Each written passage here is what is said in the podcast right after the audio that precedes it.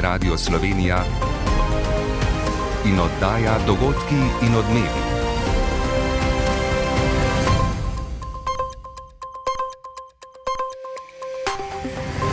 Ura je 15 in 30 minut. Dober dan. Pozdravljeni. Odmeva razkritje, da so v Ljubljani prijeli domnevna ruska vohuna. Uslužbenci Sove so dvojico priprli v začetku decembra lani, pisarno naj bi imela za Bežigradom in se izdajala za poslovneža iz Južne Amerike. Če se izkaže tudi v postopkih pred sodiščem, da dejansko to drži, je to dejansko največji uspeh Slovenske obveščevalno varnostne agencije, rekel, skoraj od njenega nastanka. Tako ocenjuje državni sekretar v premijejevem kabinetu Andrej Benedejčič. Z dopisnico preverjamo tudi, ali so se na zadevo odzvale ruske oblasti. Moskva je Londonu pred letom dni zaradi svaril pred začetkom vojne v Ukrajini zagrozila z raketnim napadom, zatrjuje nekdani britanski premijer Boris Johnson. To, što skazal gospodin Johnson, Это неправда. Точнее, это ложь. Navedbe Johnsona je tiskovni predstavnik Kremlja Dmitrij Peskov označil za laž. Ob tem Rusija povdarja, da ob novih dobavah zahodnih tankov v Ukrajini mirovni pogovori nimajo smisla. V prihodnjem študijskem letu še ne bodo povečali števila opisnih mest za študij medicine, povdarja ministr za visoko šolstvo Igor Papič. Dodaja, da to v Ljubljani ni mogoče. Dokler se seveda ne razreši prostorska stiska in se zagotovi ustrezno število mentorskih mest za klinično prakso v samem samem kliničnem centru. Sonce in sneg, počitniške radosti na smočiščih prinašajo tudi pasti. Za otroke do 14. leta je čelada obvezna, za starejše pa priporočljiva, med drugim povdarja policist smučar Tadej Čufar.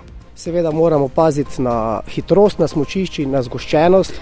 Tudi jutri in v sredo bo po večini sončno, a z mrzlimi jutri. Z vami sva Katja Kotnik in Luka Bregar.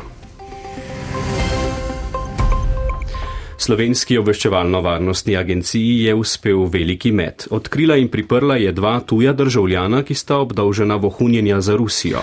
Šlo naj bi za speča agenta, ki sta se na svojo dejavnost dlje časa pripravljala, saj sta Krinko gradila sedem let in ustvarjala videz povprečnega para, ki se preživlja s podjetništvom. Za več informacije z nami Robert Škarjanc, pozdravljen. Ja, lep pozdrav. Robert, običajno takšne novice prebiramo v tujih medijih, tokrat pa se zgodba odvija pri nas. Ja, ampak to, bodimo pošteni, to ne pomeni, da do sedaj nismo odkrili nobenega vohuna v Sloveniji. Uh, Sovi je namreč uspelo slediti kar nekatere aktivne člane tujih njihovih obveščevalnih služb.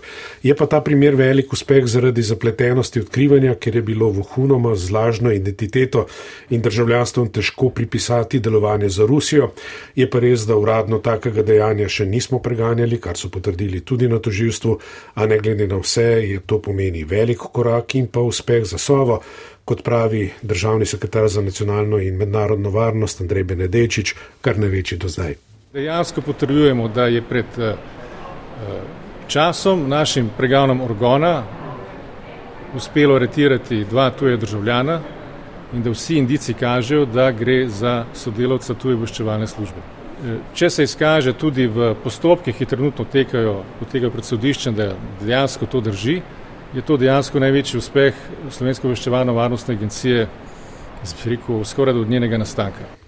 Robert, lahko poveš več morda o prijetju vohunov in o tem, kako sta delovala? No, v javnost prihaja vedno več podatkov, domnevna ruska agenta, ki naj bi prijeli 5. decembra lani in sta imela najeto pisarno v poslovni stavbi Lesnine na Parmovi ulici v Ljubljani. Imela sta kar dve podjetji in sicer podjetje Art Gallery ter DSM IT, obe ustanovljeni že leta 2017, kar kaže, da sta kar dolgo gradila svojo vohunsko krinko in pri tem ustvarjala videz poprečnega para, ki se preživlja s podjetništvom. Eh, podjetji sta bili po, pri, pri poslovanju neupadljivi, sredstev iz javnih financ nista prejemali, imela sta poronane sedavčne obveznosti in z davčnimi oazami nista poslovali. Eh, kot so nas poročili iz policije, pa je nacionalni preiskovalni urad na podlagi podatkov Sove in v skladu z usmeritvami okrožnega državnega toživstva decembra opravil hišne preiskave in pridržal dve osebi, zopr kateri so podali kazansko vadbo zaradi utemeljenega suma, da izvršuje obtožujeta kaznivi dejani vohunstva in overitve lažne vsebine, osumljena pa da sta pripadnika tuje obveščevalne službe, ki sta z nezakonito pridobljenimi tujimi osebnimi listinami in lažno identiteto prebivala in poslovno delovala v Sloveniji ter v korist tuje obveščevalne službe v Sloveniji izvajala prikrito obveščevalno dejavnost. No, je pa za številne zanimivo to, da je primer sploh prišel v javnost. Ponavadi se takšne zadeve rešujejo po tajnih diplomatskih kanalih. Ja, tako je. Če bi Sova sama lahko v Slovenijo pravila aretacije, potem za ta primer skoraj zagotovo ne bi izvedeli. Tako pa so policisti opravili hišno preiskavo in to na javnih krajih, zato so zadeve verjetno prišle tudi v javnost. Da se je zgodba pojavila v medijih, preseneča tudi nekdanjega direktorja Sove Andreja Rupnika. Zdaj, ko pride do tega, da se odkrije nek eh, tuj vohun, se običajno uh, v bistvu te zadeve peljejo na način, da uh, se poskuša najprej ugotoviti, kaj pravzaprav so te osebi, ki so vohunile v Sloveniji počele. In potem sledi cela vrsta v bistvu potencijalnih uh, odločitev, uh, pri katerih je vselej potem ena od odločitev uh, ta, da se poskuša v bistvu te uh, vohune pridobiti za sodelovanje. Če to ne gre, se potem v bistvu poslužijo drugih, drugih metod, uh, pa poskuša ne upraviti določeno zamenjavo za vohune neke tretje strani ali pa domače strani, če so bili procesirani oziroma so priprti v tujini. Ne? No, je pa res, da so ruske vohune v zadnjih letih prejeli v številnih evropskih državah in da so vse te zgodbe pristale v medijih. Moram pa še na koncu priznati, da sem nekako pričakoval vsaj kak odziv od Ministrstva za zunanje zadeve, glede na to, da je celotna zgodba prišla v javnost. Mm -hmm. Robert Škarjanc je bil z nami, hvala za pojasnila. Z veseljem. Zdaj pa pogledamo še v Rusijo. Na zvezi je naša dopisnica Vlasta Jeseničnik. Vlasta, dober dan. Dobar dan želim. A, je uradna Moskva komentirala priprtje torej domnevnih ruskih vohunov v Sloveniji? Eh, ne, za zdaj ne. Za komentar izjavo sem prosila Rusko ministrstvo za zonanje zadeve. Odgovora za zdaj nisem prijela. Pisanje dela in poročanje drugih slovenskih medijev o priprtju tujih državljanov, ki sta obdolžena vohunjanja za Rusijo, so sicer povzele ruske agencije in večina tukajšnjih medijev. V evropskih državah so v zadnjih letih aretirali več ljudi, ki so vohunili za Rusijo. Na švedskem so recimo pred desetimi dnevi obsodili švedska državljana, brata, ki sta več kot desetletje delala za rusko vojaško obveščevalno službo. Starejšega brata so obsodili na dosmrtni zapor, mlajšega na deset let zapora. Tudi Nemci so decembra lani aretirali uslužbenca Zvezdne obveščevalne službe, ker naj bi ruskim obveščevalnim službam posredoval zaupne informacije. Po začetku vojne v Ukrajini se je Slovenija, tako kot vse članice Evropske unije, odločila, da bo zmanjšala število diplomatskega osebja na ruskem veleposlaništvu v Ljubljani. Maja lani je potem morala število diplomatov na veleposlaništvu v Moskvi zmanjšati Slovenija, pred pol leta pa je Rusija Slovenijo uvrstila tudi na seznam neprijateljskih držav. Vlasta, hvala za ta pojasnila in lepo zdrav v Moskvo. Mi pa ostajamo pri Rusiji. Lahko povemo še, kot ste že lahko slišali, da so ruske vohune v zadnjih letih prijeli v več številnih evropskih državah in da so vse te zgodbe pristale v medijih. Nekateri med njimi tudi bruselski portal Politico pa povdarja, da vse to kaže na spremembo v načinu, kako evropske države izvajajo svote, svoje protiobveščevalne operacije, vse manje pometanja tovrstnih primerov pod preprogo in vse več odmevnih razkriti in pregona. Nazaj torej k Rusiji, nekdani britanski premijer Boris Johnson je v dokumentarnem filmu britanske televizije BBC med drugim izjavil, da mu je ruski predsednik Vladimir Putin v telefonskem pogovoru tik pred napadom Rusije na Ukrajino zagrozil z raketnim napadom. Grožnjo naj bi izrekel potem, ko mu je Johnson dejal, da bi vojna v Ukrajini pomenila popolno katastrofo. Tiskovni predstavnik Kremlja Dmitri Peskov je danes te navedbe označil za laž. Vse več pa je ugiban, ali in kdaj bo sledilo stopnjevanje konflikta. Miha Lamprecht. Države članice NATO so zaradi pošiljk orožja v Ukrajini vse bolj upletene v konflikt, sporoča glasnik Kremlja Dmitri Peskov, vendar. Potencialno izmeniti To ne bo spremenilo poteka posebne vojaške operacije. Ruske industrijske vojaške zmogljivosti delujejo v treh izmenah, navajajo bolje obveščeni in v tem smislu posledično zanikajo zahodne navedbe, da Rusiji zmanjkuje orožja in streljiva. V pričakovanje spomladanske ofenzive, ki jo pričakujejo ob ali neposredno po prvi obletnici začetka vojne 24. februarja, ne izključujejo novega upoklica rekrutov. Predsednik Putin je ob nedavnem nagovoru študentom na Univerzi Lomonosov dejal, da je izjemno pomembno, da mladi z orožjem v rokah branijo interese svoje majhne in širše domovine in da to počnejo zavestno. Ukrajinski predsednik Zelenski poziva Zahod naj ne okleva s pošiljkami ofenzivnega orožja, uštevši bojna letala in priznava. Situacija je duže žorstka. Bahmutski Zelo težke razmere so na območju Doneške regije, najbolj zaostreno je na območju Bahmuta in Vugledarja. Rusija s svojimi podizvajalci zaseda od 17 do 20 odstotkov ukrajinskega ozemlja. Kijev je odločen, da okupacijsko vojsko prežene in si povrne nadzor nad ozemljem v okviru mednarodno priznanih meja. Nova ameriška veleposlanica Lini Tracy je danes prvič obiskala rusko zonanje ministrstvo. Namestnik zonanjega ministra Rjabkov, s katerim se je srečala, je dejal, da so v času, ko je Zahod obljubil dobavo tankov v Kijevu, vsaka pogajanja v miru nesmiselna. Vlada v Kijevu po njegovih besedah namreč ogroža varnostne interese Rusije in preganja etnične Ruse na vzhodu Ukrajine. Vojna v Ukrajini je zaznamovala tudi obisk generalnega sekretarja Zveze NATO Jensa Stoltenberga v Južni Koreji, ki je državo pozval k povečanju pomoči Kijevu. Na to pa je obiskal še Japonsko. Od dogajanja na tujem še o eksploziji v mošeju v pakistanskem mestu Pešavar, v kateri je po najnovejših podatkih umrlo 34 ljudi, 150 je ranjenih. Več v nadaljevanju dogodkov in odmevov, ko bomo spomnili, da je le še nekaj dni časa za uveljavljanje olajšave za otroke, nekoliko daljši rok je med drugim za oddajo napovedi od lani prejetih najemnin.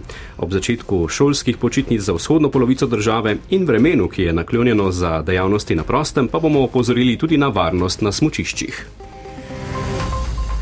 Vlada bo soglasje k razpisom za visokošolske programe dala pravočasno, je potrdil minister za visoko šolstvo Igor Papič v odzivu na namigovanja, da bi se lahko tudi letos zavleklo pri razpisih. Razlog, zakaj ga vlada ni potrdila že pred dnevi, je dodatno financiranje dveh programov, na katerih bo razpisanih več upisnih mest kot do zdaj. Podrobneje Katja Arhar.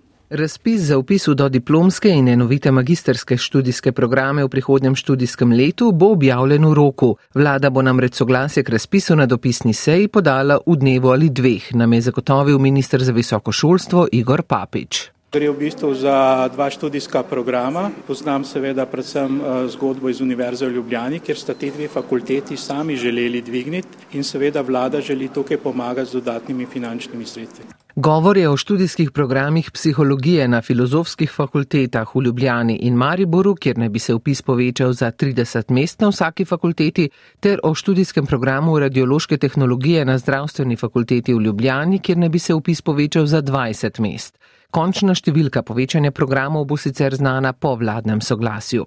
Ne bo pa povečanja števila opisnih mest za študij medicine, pojasnjuje minister Papič. Težava je predvsem v Ljubljani. Zdaj se je šele začela izgradnja nove fakultete in bo izredno težko za medicinsko fakulteto še nadaljne dvigovanje opisnih števil, dokler se seveda ne razreši prostorska stiska. In pa zelo pomembno je tudi to, da se zagotovi ustrezno število mentorskih mest za klinično prakso v samem kliničnem centru. Razpis za upis na dodiplomske in magisterske programe naj bi bil objavljen 3. februarja. Informativni dnevi na fakultetah, visokih strokovnih šolah in akademijah pa bodo organizirani 17. in 18. februarja.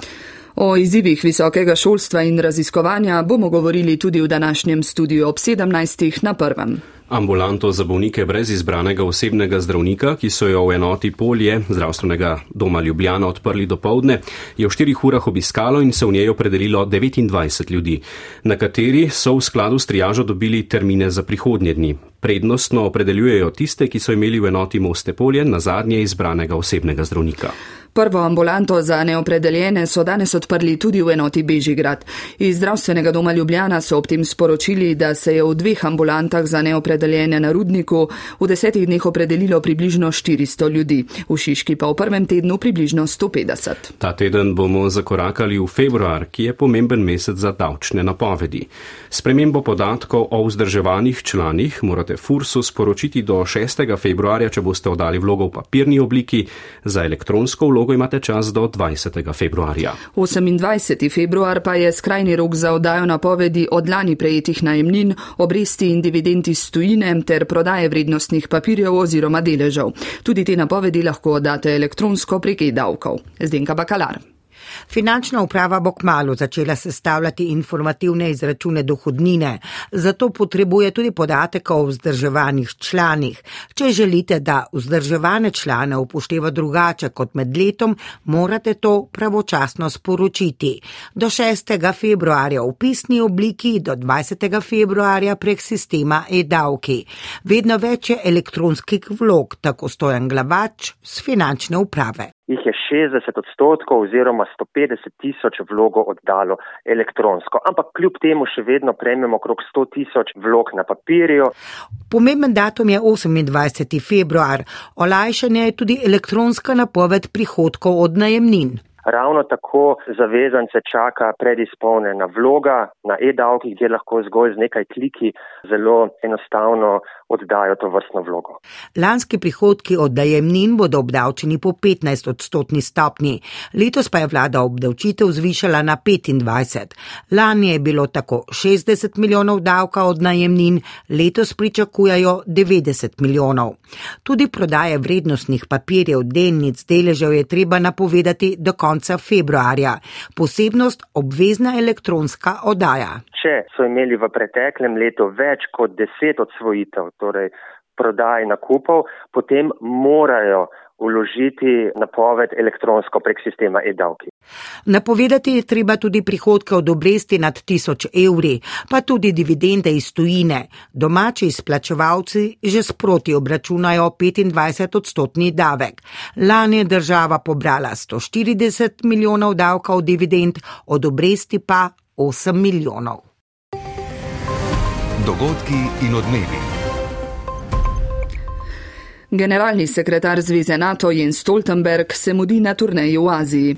V Južni Koreji je opozoril na vse večjo grožnjo Kitajske in Severne Koreje v regiji. Podaril je potrebo po tesnejšem sodelovanju članic NATO s partnerji v Aziji in obsodil številne nepremišljene raketne poskuse Pjongjanga. Generalni sekretar NATO bo v ponedeljek obiskal še Japonsko. Kitajska je sicer širjenje partnerstva zavezništva v Aziji že obsodila, poroča naša dopisnica Carmen Švegel. Zveza NATO krepi sodelovanje z zahodnimi zaveznicami v Aziji, predvsem Južno Korejo in Japonsko, tako se odziva na globalne grožnje in izzive, ki prihajajo iz Kitajske, je v Seulu dejal generalni sekretar Zveze NATO Jens Stoltenberg. Ob tem je pozval Južno Korejo naj okrepi vojaško pomoč Ukrajini, saj je izjemno pomembno, da Rusija te vojne ne zmaga, ne le za Ukrajince, temveč za vse svet. Saj bi v nasprotju nasprotnem primeru to lahko uspodbudilo avtokratske voditelje tudi v Pekingu, da lahko svojo voljo in interese uveljavljajo silo. Čeprav uradno Kitajska ni nasprotnica zveze NATO, pa je zavezništvo vse bolj pozorno na krepitev kitajskih vojaških sposobnosti, kot tudi na agresivno obnašanje v regiji. Gre za grožnje Tajvanu, pa tudi vojaške vaje, s katerimi vznemirja države v regiji, predvsem Japonsko. Ta je po simuliranem osvajalstvu pogajalskem pohodu med kitajsko-ruskimi vojaškimi vajami že napovedala spremembo svoje obrambne politike, vključno s povečanjem sredstev za vojaško opremo in se tako odmika od svoje pacifistične drže. V Kitajski vidi nasprotnika, ki ogroža ne le njene demokratične vrednote, temveč tudi ozemeljsko celovitost države. Južna Koreja je od začetka vojne v Ukrajini Polski posredovala več sto tankov in drugega orožja, a zaradi svoje zakonodaje Ukrajini, državi v vojni, ne more pomagati z orožjem. Stoltenberg je Seul pozval naj po vzoru Nemčije in Švedske zakonodajo prilagodi današnjim izzivom. V eksploziji, ki je med današnjo povdansko molitvijo odjeknila v mošeji v mestu Pešavar na severozahodu Pakistana, je bilo po najnovejših podatkih ubitih 47 ljudi, 150 je ranjenih, veliko ljudi je še pod ruševinami. Po prvih poročilih je šlo za samomorilskega napadalca, večina žrtev pa je policistov. Špila Novak. Po prvih poročilih naj bi eksplozijo sprožil samomorilski napadalec, ki naj bi se pomešal med vernike, vendar policija tega še ni potrdila. Doslej so oblasti potrdile več kot 30 smrtnih žrtev, vendar bo to število po pričakovanjih večje, saj se je porušil del stavbe in je več ljudi pod ruševinami. Ko sem prišel na kraj dogodka, je bil tam popoln kaos. Sedem ljudi sem odnesel do rešilnih avtomobilov, od teh sta dva umrla, pet so jih odpeljali v bolnišnico bolnišnico. Del mošeje je povsem porušen. Ne vem, koliko je žrtev. V mošeji je bilo zelo veliko vernikov, je povedal eden od reševalcev.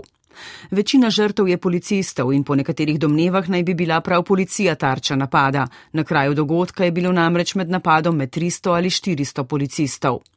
Novica o napadu je odjeknila med obiskom pakistanskega zunanjega ministra Bilawala Buta Zardarja v Moskvi, ruski zunanji minister Sergej Lavrov. Prišlo сообщение об очередном террористическом акте. Ravno med pogovori smo dobili sporočilo o terorističnem napadu v mošeji. Izražam svoje sožalje pakistanskemu ljudstvu, ob tem pa povdarjam, da moramo pospešiti boj proti terorizmu po vsem svetu, brez dvojnih meril in političnih igric. Odgovornosti za napad ni prevzela še nobena skupina. Za več podobnih napadov v preteklosti pa so bili odgovorni pakistanski talibani, ki so novembra preklicali prekinitev ognja z vlado. Policisti so ob začetku zimskih počitnic, ta teden jih imajo učenci iz vzhodnega dela države, okrepili nadzor na smučiščih. Tudi zaradi gneče, ki je med počitnicami na smučiščih precejšnja, pozivajo k pazljivosti in upoštevanju varnostnih pravil. Več bratko Zavrnik. Na območju policijske uprave Maribor so se letos zgodile že štiri smučarske nesreče s hujšimi telesnimi poškodbami, v dveh sta bila udeležena otroka. Sebe in druge lahko najbolje zavarujemo, če upoštevamo deset pravil Mednarodne smučarske zveze FIS, svetuje policist smučar Tadej Čufar. Seveda moramo paziti na hitrost na smučišči, na zgoščenost, seveda tudi svojim telesnim pripravljenostim, koliko smo vešči smučanja. Omeniti velja tudi, da moramo otroke do 14 let obvezno imeti čelado na glavi, odraslim je pa to priporočljivo. Policisti lahko smučarjem odredijo tudi preizkus z alkotestom. Vsebnost eh, na smučišču je dovoljeno nič cela 24 mg na liter izdihanega zraka, eh, kar je pa več, je pa enotna globa 400 evrov. Na smučišču Trije kralji na pohorju zaradi majhnosti veliko nevarnega smučanja ne opazijo, pravi reševalec Janko Ačko in opozarja na najpogostejše napake. Nezanesljiva vožnja, spuščanje sidra na sredini vlečne poti, to je zelo nevarno. Ne? Vjuganje po vlečnih poteh, to lahko vrže zajdo dol pa poškoduje vse ostale smočare, ki so takrat na vlečnici. Odsvetuje tudi smuko zunaj urejenih smočišč. Tako pa za varnost skrbi ena od smočark, ki smo jo srečali v vrsti za vlečnico. Gledaš ostale, da ne na koga povoziš, zbiješ, pa ne nadivjaš, pač tam, ko so otroci. Uh, jaz opažam, da večinoma vsi skrbijo za druge.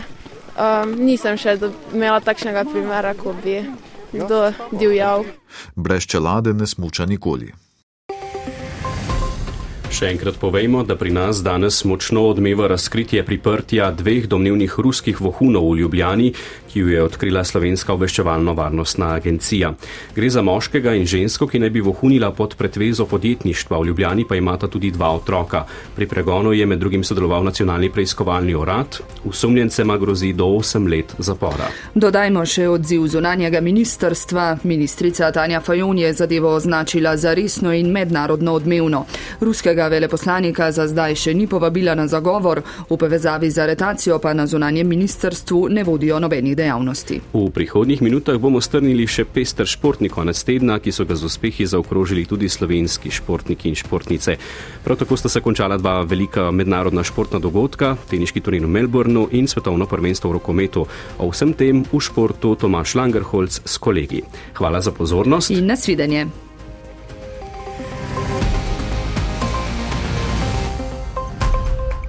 Smučarski skakalci so minuli konec tedna prvič v sezoni leteli na smučeh. Bolj kot letalska forma slovenske reprezentance nas dobre tri tedne pred svetovnim prvenstvom v planici zanima načrt sklepnih priprav in forma celotne nordijske reprezentance. Podrobneje Boštjan Rebršak. Kombinatorski del reprezentance, v katerem se v krizi na skakalnici znašla Ema Volavšek, bo popolnjena s tekmovalci z mladinskega svetovnega prvenstva, kjer bo skušala niz zbiranja kolajn z festivala Evropske olimpijske mladine med skakalkami nadaljevati Nika Prevc, edina iz mladinskih vrst, ki bi lahko imela zelo vidno vlogo že na članskem svetovnem prvenstvu. Tekaška reprezentanca se je znašla v zanimivi situaciji, ko ima letos boljše rezultate na razdalji kot v sprintu. Za nameček je minuli konec tedna Miha Šimenc pritekel 30-terico moške tekme na razdalji po skoraj 19 letih. Po bolezni se je v težavah s formo znašla Eva Urevc, po letošnjih rezultatih sodeč edina pripravljena za vrhunske dosežke. Lepša slika je na skakalnicah, kjer so skakalke in skakalci skupaj letos na zmagovalnem odru stali 18 krat, manj kot v zadnjih sezonah, še posebej v ženski reprezentanci, ki čaka na preporotnike Križnar. Minuli vikend je z dvema drugima mestoma navdušila Ima Klinec. Moška reprezentanca z mislijo na kolajne sloni na rezultat rezultatih Anžeta Laniška, čeprav na letalnicah sta se mu na kulmu na zmagovalnem modru pridružila še domom prevc in Timi Zajc. Zdi se, da bo v Lanišku boj za popolnitev štirih mest na domačem prvenstvu zelo izenačen. Skakalna karavana bo ta konec tedna v Willingenu, tekaška v Dobjaku. Novak Djokovic je v Melbournu osvojil rekordni 22. naslov na turnirjih za Grand Slam. V finalu je po treh nizih odpravil Grka Stefanosa Cicipasa in tako naredil še en korak k svojemu velikemu cilju, da kariero konča pred vsemi na vrhu večne lestvice po številu naslovov na največjih štirih turnirjih na svetu Luka Petrič. Med finalom se je bilo težko znebiti občutka, da je Djokovičeva zmaga neizogibna. Srb ni prikazal svojega najboljšega tenica, a tudi takrat ga je izjemno težko premagati, že zaradi njegove aure nepremagljivosti, ker so njegovi porazi tako redki v polfinalih in finalih Melbourna, ga sploh še ni doživel.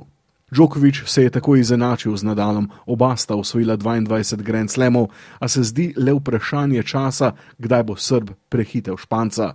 Nadalovo telo je sicer bolj načeto kot Djokovičevo, a leto starejšega Nadala zaradi tega ne gre odpisati. Mnogi so ga v preteklosti, pa se je vsakič znova zavihtel na vrh. Melbourne je končal že v drugem krogu, znova v bolečinah, tudi v zadnjih letih nas je naučil, da če se kdo zna vrniti, je to Nadal. Toda kljub njegovi nečloveški zmožnosti rehabilitacije bo na koncu težko ostal pred Džokovičem, že zdaj bi mu verjetno gledal hrbet, če ne bi prišlo do nenavadnih zapletov, prepovedi igranja, ker se ni cepil, pa udarec sodnice v New Yorku. Džokovič pa ima lepše možnosti na večini turnirjev, vendarle na treh Grand Slamih velja za izrazitega favorita, nadal pa le v Parizu.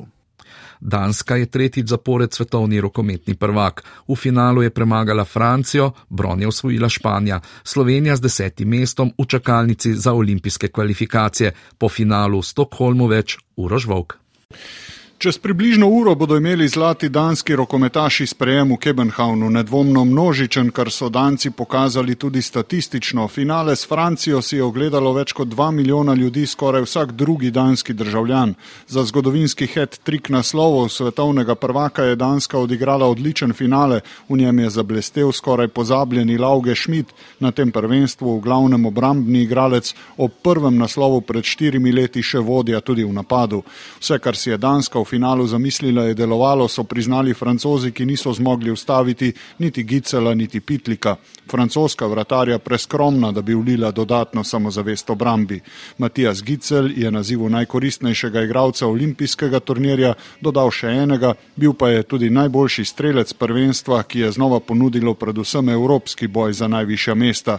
Kvartet najboljših reprezentanc, tu sta še bronasti Španija in četrta Švedska, prevladuje. Vsi ostali se zdijo korak dva zadaj, čeprav ima vsaka od omenjenih velesil tudi koga med njimi, ki ne ustreza. Peta je Nemčija z najboljšim mladim rokometašem Knorom, šesta Norveška, 14 od 16 evropskih reprezentanc na turnirju, na pol delile sedmi Egipt.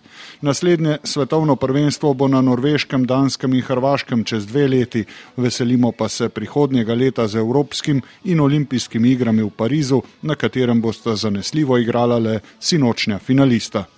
Slovenska teniška igralka Tamara Zidanšek je bila uspešna v prvem krogu turnirja serije VTA 250 v Huahinu na Tajskem.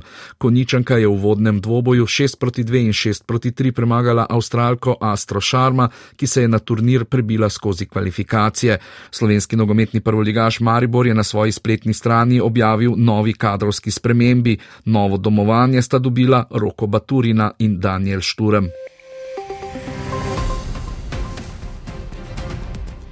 Poslušali ste oddajo Dogodki in odmevi, urednica Špila Bratina, voditelja Katja Kotnik in Luka Bregar, tonski mojster Žiga Žižak.